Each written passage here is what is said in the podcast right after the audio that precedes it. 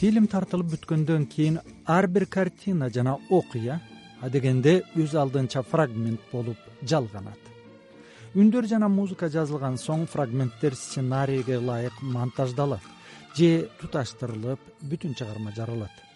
Бул жооптуу жумушту кинорежиссердун көзүндөй болгон адамы режиссер монтажер аткарат.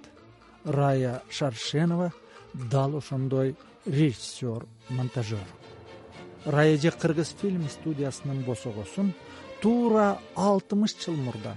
Бир миң тогуз жүз элүү тогузунчу жылы биринчи июлда аттайт. А киного болгон кызыгуусу согуштан кийин трофейге келген тарзан фильминен башталат. Бул фильм жалпы союздук экранга бир миң тогуз жүз элүү экинчи жылы чыккан но мне интерес с фильма тарзан согуштан кийин трофей катары келген фильмдер колхоздун клубунда көрсөтүлчү. Биз саманды астыбызга жаздап алып көрө берелик мага экранда кишилер эмес космостон келген меймандар жүргөндөй туюлчу балтикалык депутат фильмин кыргыз тилинде көргөнүбүз дал эсимде. Каармандардын түсү бизге окшобойт а сүйлөгөнү таптаза кыргызча. Мага мунун баары табышмак эле ошентип кино мени арбап алды. Ошого онунчу классты бүткөндөн кийин түз эле киностудияга бардым. Ал кезде киностудиянын жамааты лаборатория үн цехи монтаждык цех администрация гараждын шоопурлары баары бир имаратта болчу. Адрес курганская один до сих пор я помню хорошо. Он сегиз жаштагы рая шаршенова монтажердук өнөрдүн алипбейсин кыргыздын туңгуч кинорежиссер кызы лилия турусбекова менен кинодокументалист дмитрий иванович эднандан үйрөнөт.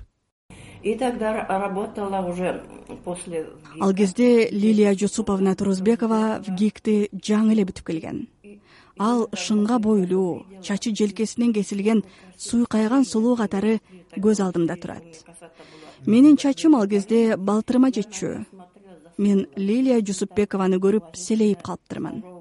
Баары аны сыйлап астейдил саламдашчу. Ал өтүп кеткенче элдин баары шүк турушчу. Биз аны менен советтик кыргызстан киножурналын чогуу даярдай баштадык. Начали мы работать в советской киргизии. Раиденин айтымында ал эмгек жолун баштаган кезде кыргыз тилине көркөм фильм көп которулуп дубляжга белгилүү артисттер келчү экен дубляжа сидит муратбек рыскулов. Муратбек рыскулов бакен кыдыкеева сабира күмүшалиева мира далбаева. Алардын дикциясы укмуштуудай тунук кулакка угумдуу эле. Каармандар кыргыз эмес болсо дубляжды кантип жасайт деп ойлойм да. Ошого дубляждын режиссеру дмитрий иванович эднандан сиз кыргызча түшүнөсүзбү? деп сурасам кызым интонация баардык тилдерде окшош деди түн оогондо дубляждан соң кичинекей томолок автобус менен үйгө баратканда дмитрий иванович опералардан арияларды укмуштуудай ырдачу. Мага лилия жусупбекова да даректүү фильмдин өзгөчөлүгү жөнүндө абдан сонун түшүндүрүп берген. Дмитрий эднан менин устатым болгонуна сыймыктанам. Документальный фильм сделал чыбыктай солкулдаган селки бир миң тогуз жүз алтымыш экинчи жылы лилия турусбекованын улуу эпос даректөө фильмин режиссер монтажер катары жалгаштырат.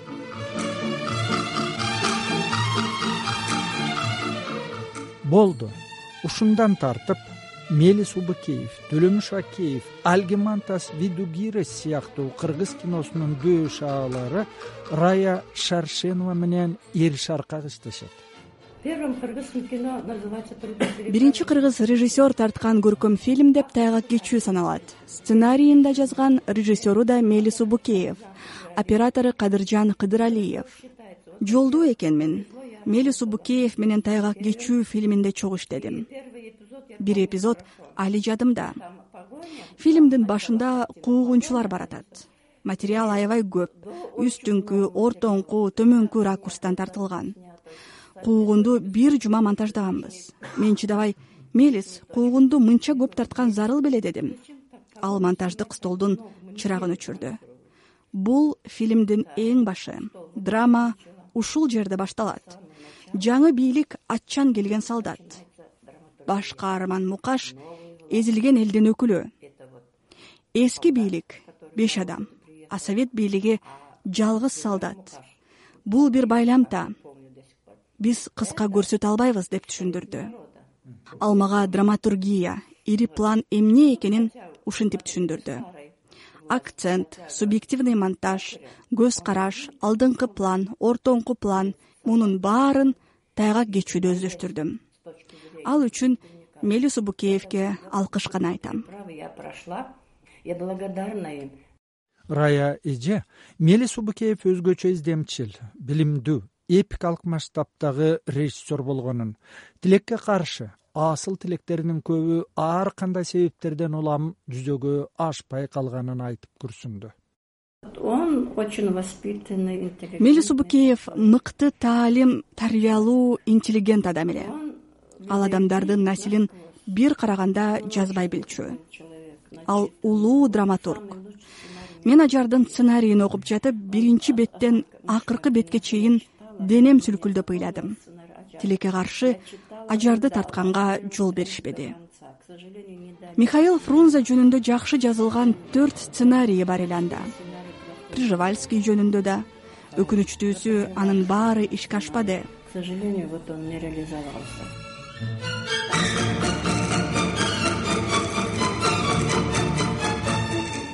рай эже дээрлик жарым кылым өмүрү кыргыз жери менен байланышкан кинорежиссер альгимантис видугиристи даректүү фильмдердин падышасы деп билет. Конечно король документальное кино. Албетте даректүү фильмдердин падышасы алгис видугририс анын материалдары океан. Океан. Нарын күндөлүгү алты бөлүк алтымыш мүнөт эки жыл монтаждаганбыз. Материалдары эки монтажканага араң сыйган. Кызыктуу сүрөткер. Күн тутулган жылда жети бөлүк тогуз ай монтаждаганбыз.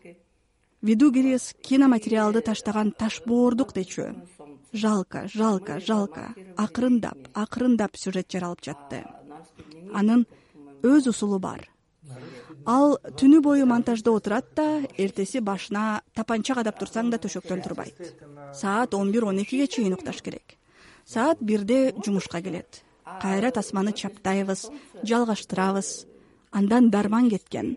Мен аялы розага видогирести дарылоо керек. Нерви бузулуп отурат деп телефон чалам. Ушинтип отуруп көрүүчүгө сунуш этилген фильм жаралат.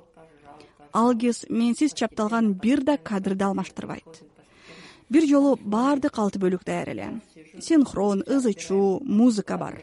Мен келсем жардамчы монтажер видугирис төртүнчү бөлүктөгү планды алмаштырып койду дейт. Эмне алмаштырдың десем ал таанып жатып мойнуна алды да сен шахмат ойношуң керек дейт мага. Анан кайра кайра менден кечирим сурады. Ал ушундай адам эле. Вот ну вот такой он человек. Кыргыз ссср эл артиси альгимантис видигуиристин эмгектери бүгүн бир катар өлкөлөрдүн атайын окуу жайларында анын ичинде москвадагы ломоносов университетинде айтылуу вигикте да окутулат.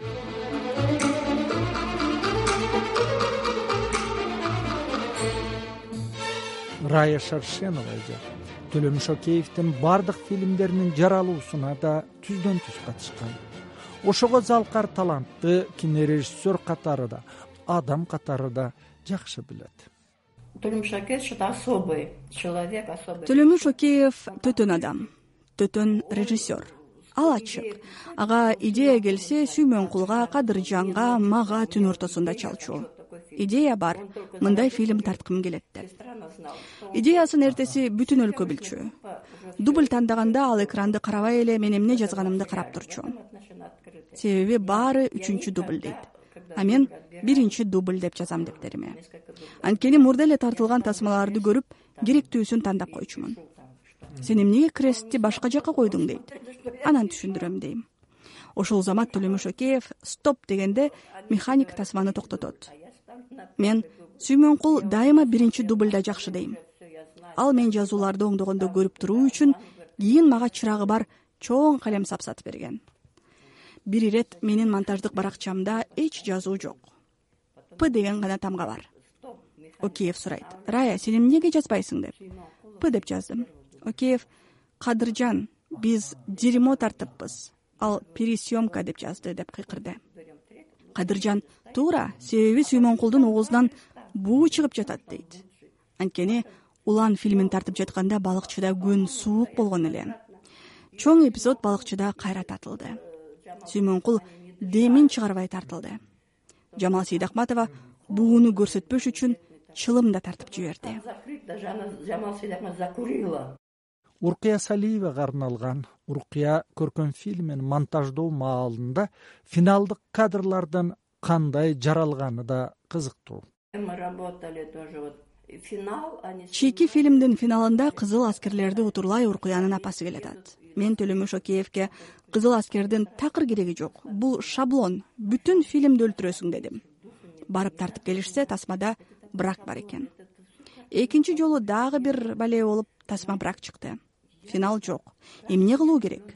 Мен иштеп жатканда реклама ролиги үчүн керектүү кадрларды бөлүп койчумун. Ролик үчүн жетимиш метр тасма керек ошого таттыбүбү турсунбаева бар кадрлар өзүнчө жатчу. Реклама ролигин жасап жатсам төлөмүш океев келип калды. Экранда уркуя гүлдөгөн өрүкзарда бирде жөө бирде атчан баратат. Жүзүндө жылмаюу океевке кара сенде идея пайда болоор балким дедим. Менин салмагым кырк төрт килограмм. Арыкмын. Ал менин ийиндеримди эки алаканы менен сындырып жиберчүдөй уруп бүттү финал бар десе болобу. Фильмдин финалында уркуя баратат. Аны апасы утур алат. Музыка тасманы көргөндө бүт зал шолоктоп ыйлады. Встречу музыка и весь зал рыдает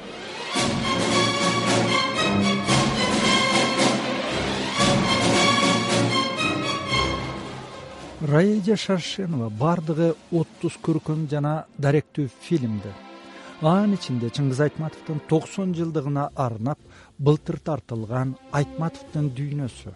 Дүйнө айтматовсуз деген тасманы да монтаждаган. Ал монтаж аркылуу режиссерлорго фильмди жалпы композицияга бириктирип драматургиялык чыңалууну түзгөнгө көмөктөшкөн